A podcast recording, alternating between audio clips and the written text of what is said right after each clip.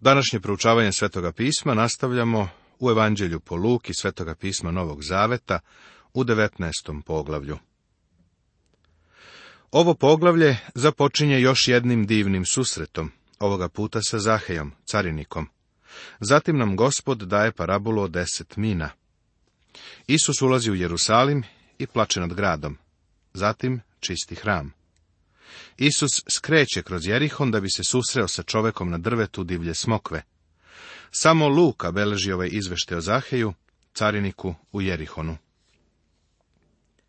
Zahejevo obraćenje Sjeti se da je u vreme ovog događaja Isus bio na putu ka Jerusalimu, gde će umreti na krstu. Na tom putu prolazi kroz Jerihon. I kada je ušao u Jerihon, prolazio je kroz grad. Luka nam kazuje da je Isus bio preko u Samariji. Kada je napustio Samariju, krenuo je ka Jerusalimu. Deluje kao da je skrenuo sa puta. Ali da li je? Odlazi u Jerihon, jer je tamo jedan grešnik. U stvari u Jerihonu se nalaze dva ili tri grešnika. Gospod ide za njima. Ako propustiš ovu akciju, propustit ćeš celu poruku ovog odeljka. Jerihon je bio grad koji je Bog predao u ruke Isusa Navina. Izrečeno je prokletstvo nad onim ko ponovo izgradi taj grad. Čovek koji ga je ponovo sazideo u Ahavljevo vreme, u potpunosti je požnjao prokletstvo.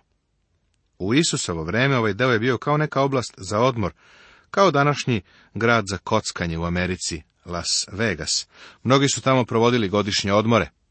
Ovde su živjeli carinici. Carinici su bili nešto kao savremena mafija. Sakupljali su porez, bili su prezreni, iskorišćavali su silu. Saznajemo da je Isus ušao u Jerihon, prolazio je kroz grad. Isto tako je ušao na ovaj svet i prošao kroz njega. Nije došao na zemlju da na njoj ostane, nego da umre.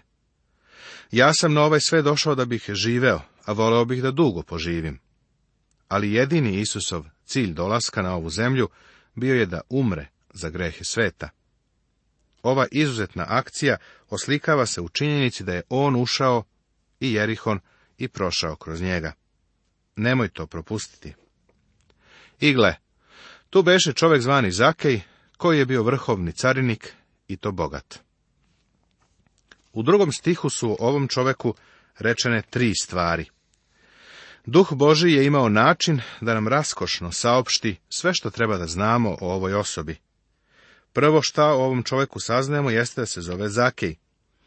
Kada sam otkrio da njegovo ime znači čist, prvo sam počeo da se smejem, pa je moja supruga došla u radnu sobu da vidi šta je tako smešno. Zamisli carinika koji je čist. Ovo ime su mu dali dok je bio beba. Njegovi roditelji su ga posmatrali kao da je nešto najdragocenije na svetu. Kada je porastao, mislim da je u Jerihonu bilo vrlo živo i zabavno, kada bi ga pozvali po imenu. Rekli bi, zdravo čisti. Kakvo ime za jednog sakupljača poreza? Zake je bio šef carinika. Njegovi roditelji nisu ni sanjali da će on krenuti tim putem. Jedne tamne noći morao je da donese odluku da li će se prodati Rimu. Kao carinik morao bi da plaća Rimu određenu svotu novca za određenu teritoriju u kojoj bi sakupljao porez. On bi, naravno, sakupljao više nego što bi plaćao Rimu, zbog čega se obogatio. Zake je bio vođa carinika. Odrekao se svoje religije. Više nije imao pravo pristupa hramu. On je verovatno bio carinik koji je iz daleka stajao, spustio bradu na grudi i rekao, Bože, smiluj se meni grešnove.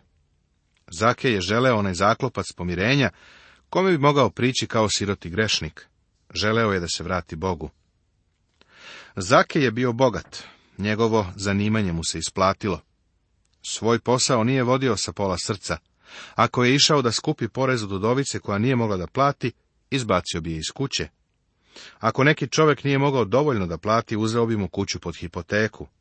Mnoge je opljačkao. Iako je jednom doneo odluku da će biti carinik, uvideo je da sve blago ovoga sveta ne može da zadovolji njegovo srce. Želeo je da se može vratiti i početi sve iz početka.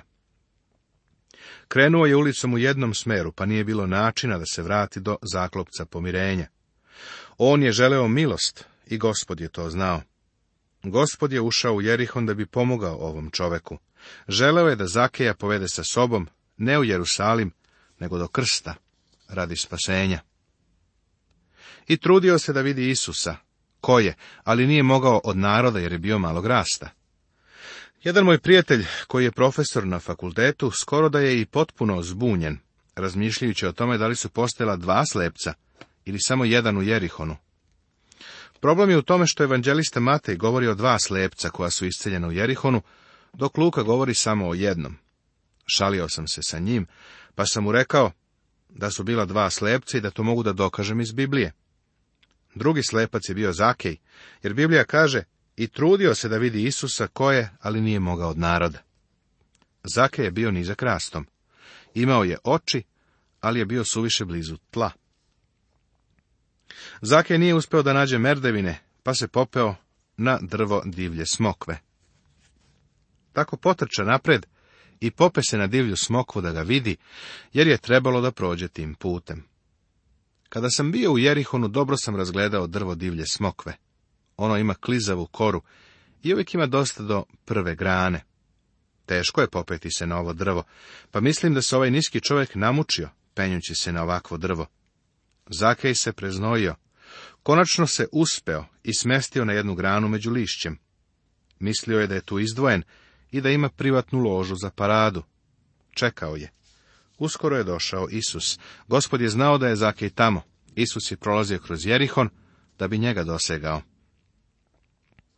I kada je Isus došao na to mesto, pogleda gore i reče mu, Zakeju, siđi brzo, jer danas treba da ostanem u tvojoj kući. Kada je gospod pogledao gore na drvo divlje smokve i tamo ugledao Zakeja, mislim da se nasmejao.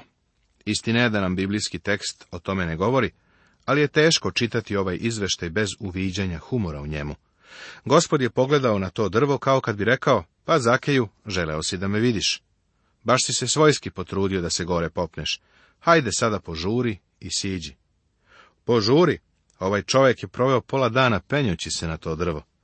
Ali nije mu dugo trebalo da siđe. Uvijek je lakše silaziti nego peti se. Gospod mu je rekao, danas treba da ostanem u tvojoj kući. Gospod se nije zadržao u gradonačelnikovoj kući, niti se zaustavio kod farisejeve kuće, niti kod kuće neke isteknute ličnosti. Išao je carinikovoj kući. I siđe brzo, pa ga primi radujući se. A svi koji su vidjeli počeše gunđati što je grešnom čoveku došao u kuću da se odmori. Zakej priređuje zabavu.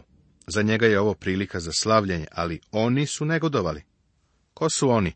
Oni su masa koja gunđa, govorili su, možeš li zamisliti da će Isus večerati u kući grešnika? Onda je proteklo vreme. Koliko ne znamo. Isus je večerao sa Zakejem, ali nije ostao cele noći.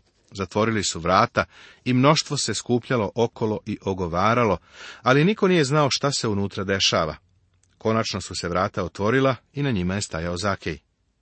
Zakej pak stade i reče gospodu, Vidi, gospode, dajem polovinu svoga imanja siromasima, iako sam od koga što iznudio vraćam četverostruko.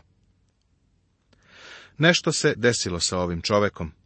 Priznao je da je potkradao siromašne i obećao je da će polovinu svoga imanja dati sirotima, a onima koje je pogrešno ocarinio vratit će četvorostruko. Postupao je po Mojsijevom zakonu. Nešto u Zakiju se desilo, postao je novi čovek. Ne nam se sadržaj razgovora koji se vodi između Zakija i gospoda. Iz nekog razloga Duh Sveti nam nije dao izveštaj o tome šta se odvijelo između ova dva čoveka. Međutim, kada je gospod govorio sa ljudima, obično im je govorio o dve stvari. Prvo o čovekovoj potrebi i drugo o Božjoj mogućnosti da zadovolji tu potrebu. Isus nije morao da kaže Zakeju da je grešnik. Zakej je znao da je grešnik, a znali su to i svi drugi. Gospod mu je rekao da postoji lek za greh. Kazao mu je, idem u Jerusalim i tamo ću umreti na krstu, pa će iza za tebe zakaju biti zaklopac pomirenja. A Isus mu reče, danas je došlo spasenje ovoj kući, jer je i on Avramov sin. Kada je postao carinik, Zakej nije imao pristup zaklopcu pomirenja u hramu. Taj zaklopac pomirenja je ukazivao na gospoda Isusa Hrista i njegovu krv koja je prolivena na krstu.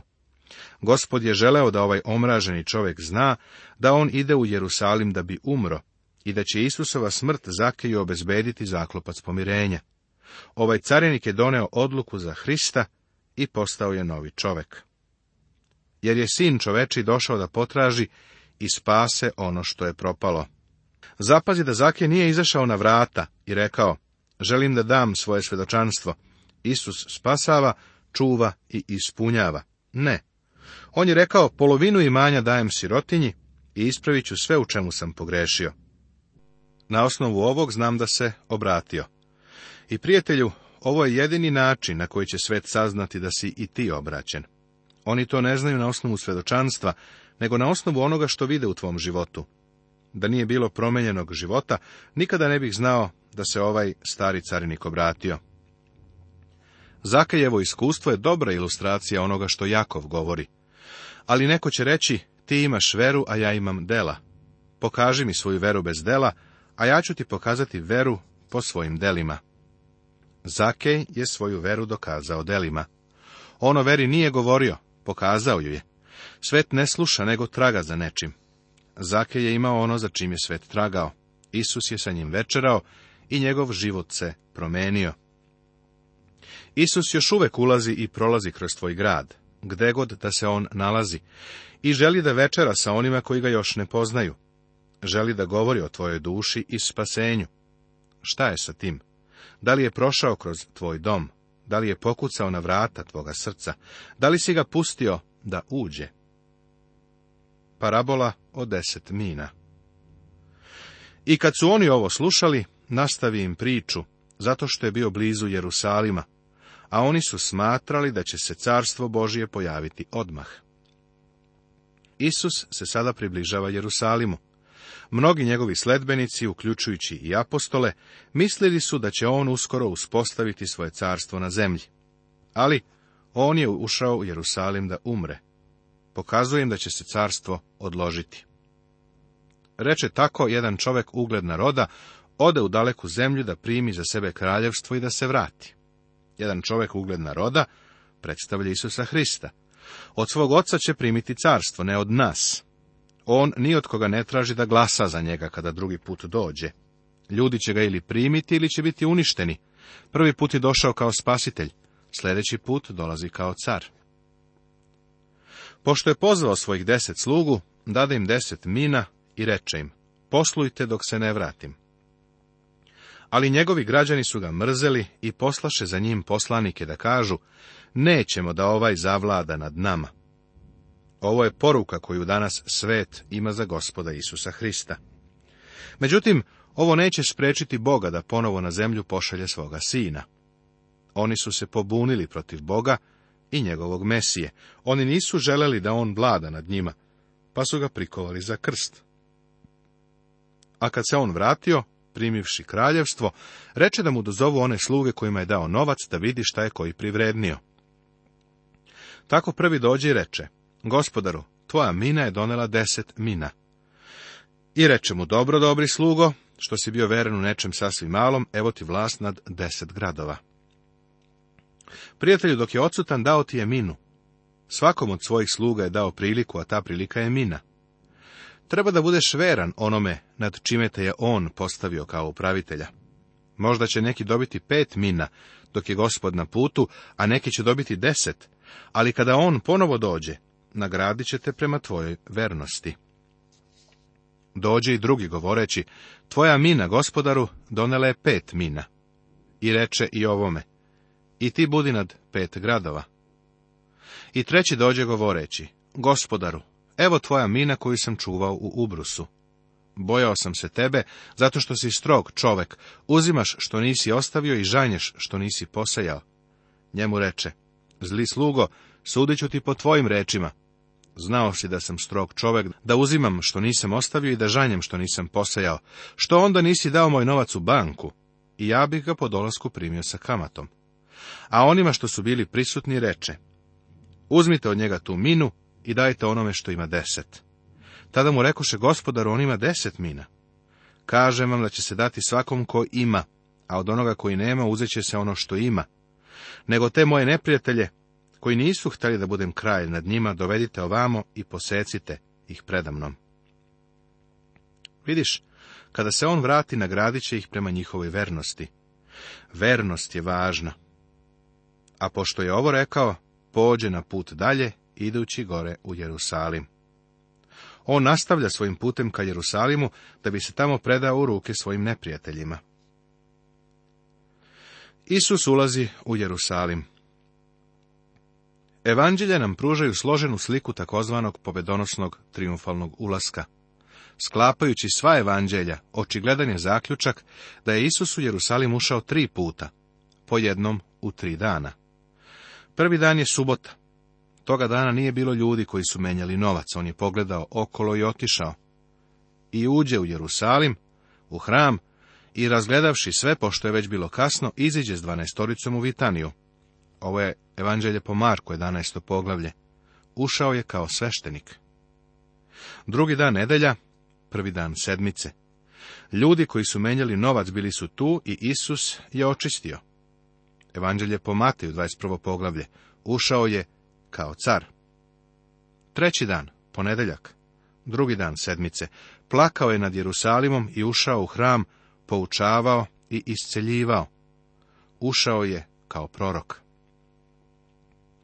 I kad se približio Vitfagi i Vitani kod gore koja se zove Maslinska, posla dvojicu od učenika govoreći, idite u selo koje je prema vama i kad uđete u njega, naći ćete privezano magare, na koje niko od ljudi nikad nije seo, pa ga odvežite i dovedite. I ako vas ko pita zašto odvezujete, ovako recite, gospodu je potrebno. A poslani odoše i nađoše kao što im je rekao. I kad su odvezivali magare, rekoše im njegovi gospodari, što odvezujete, magare? Oni pak rekoše, gospodu je potrebno. Ne vidim nikakvu svrhu u tome da u ovom događaju otkrivamo čudo, iako mnogi to čine. Verujem da je to normalna, prirodna situacija. Verovatno, kada je gospod poslednji put bio u Jerusalimu, dogovorio se sa nekim prijateljima da upotrebi ove životinje kada sljedeći put dođe u grad. Došao je u grad. Njegovi prijatelji su mu dozvolili da upotrebi životinje za vreme pashe. Vlasnici ovih životinja su očekivali gospoda, vezali su ih na polju radi njega. On je svojim učenicima rekao šta da kažu, u slučaju da ih neko pita, tako da bi se znalo da ih je gospod poslao. U ovom pasusu je važno to što Isus dokazuje svoj autoritet. Gospodu je potrebno. I dovedoše ga Isusu, pa staviše svoje haljine na magare i posadiše Isusa. A kad je išao, u svoje haljine po putu. I kad se već približio mestu gde se silazi sa Maslinske gore, sve mnoštvo učenika poče u radosti da hvali Boga iz glasa za sva čudesa koja su vidjeli govoreći, neka je blagosloven car koji dolazi u ime gospodnje, mir na nebu i slava na visini. Svetina nije znala puni smisao ovog dela. Samo nekoliko dana kasnije uzvikivali su raspniga. Čak ni učenici odmah nisu znali smisao ovoga. Ovo njegovi učenici prvo nisu razumeli, ali kada se Isus proslavio, tada se setiše da je to bilo napisano za njega i da su mu to učinili. A neki fariseji iz naroda rekoše mu, učitelju zabrani svojim učenicima.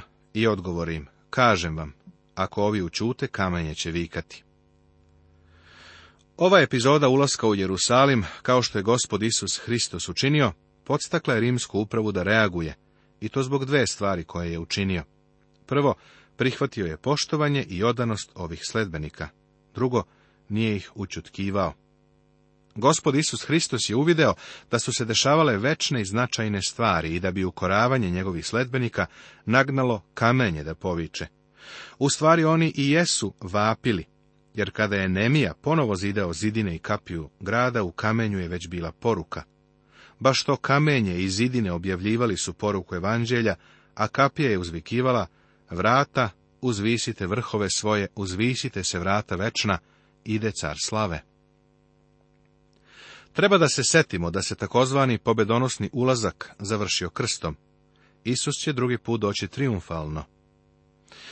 Poslanica Evrejima kaže, tako će se i Hristos, pošto je jednom prinet na žrtvu da ponese grehe mnogih, drugi put javiti ne zbog greha, na spasenje onima koji ga očekuju.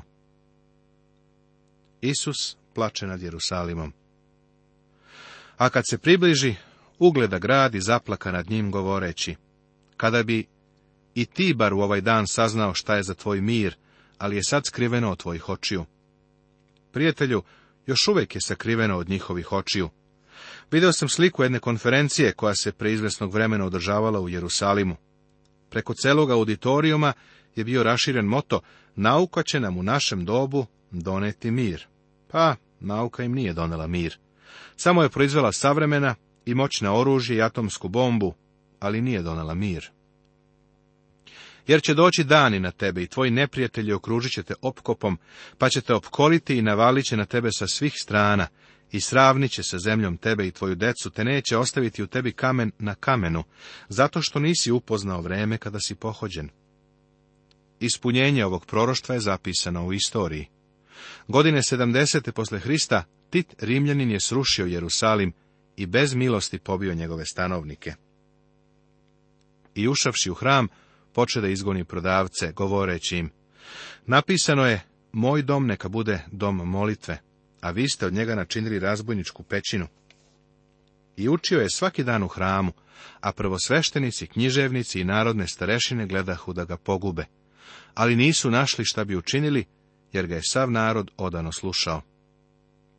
Gospod koristi vrlo snažne izraze, dok po drugi put čisti hram. Ovim Isusovim delom zvanično se završava njegova služba njegovom narodu. Nastavit će se.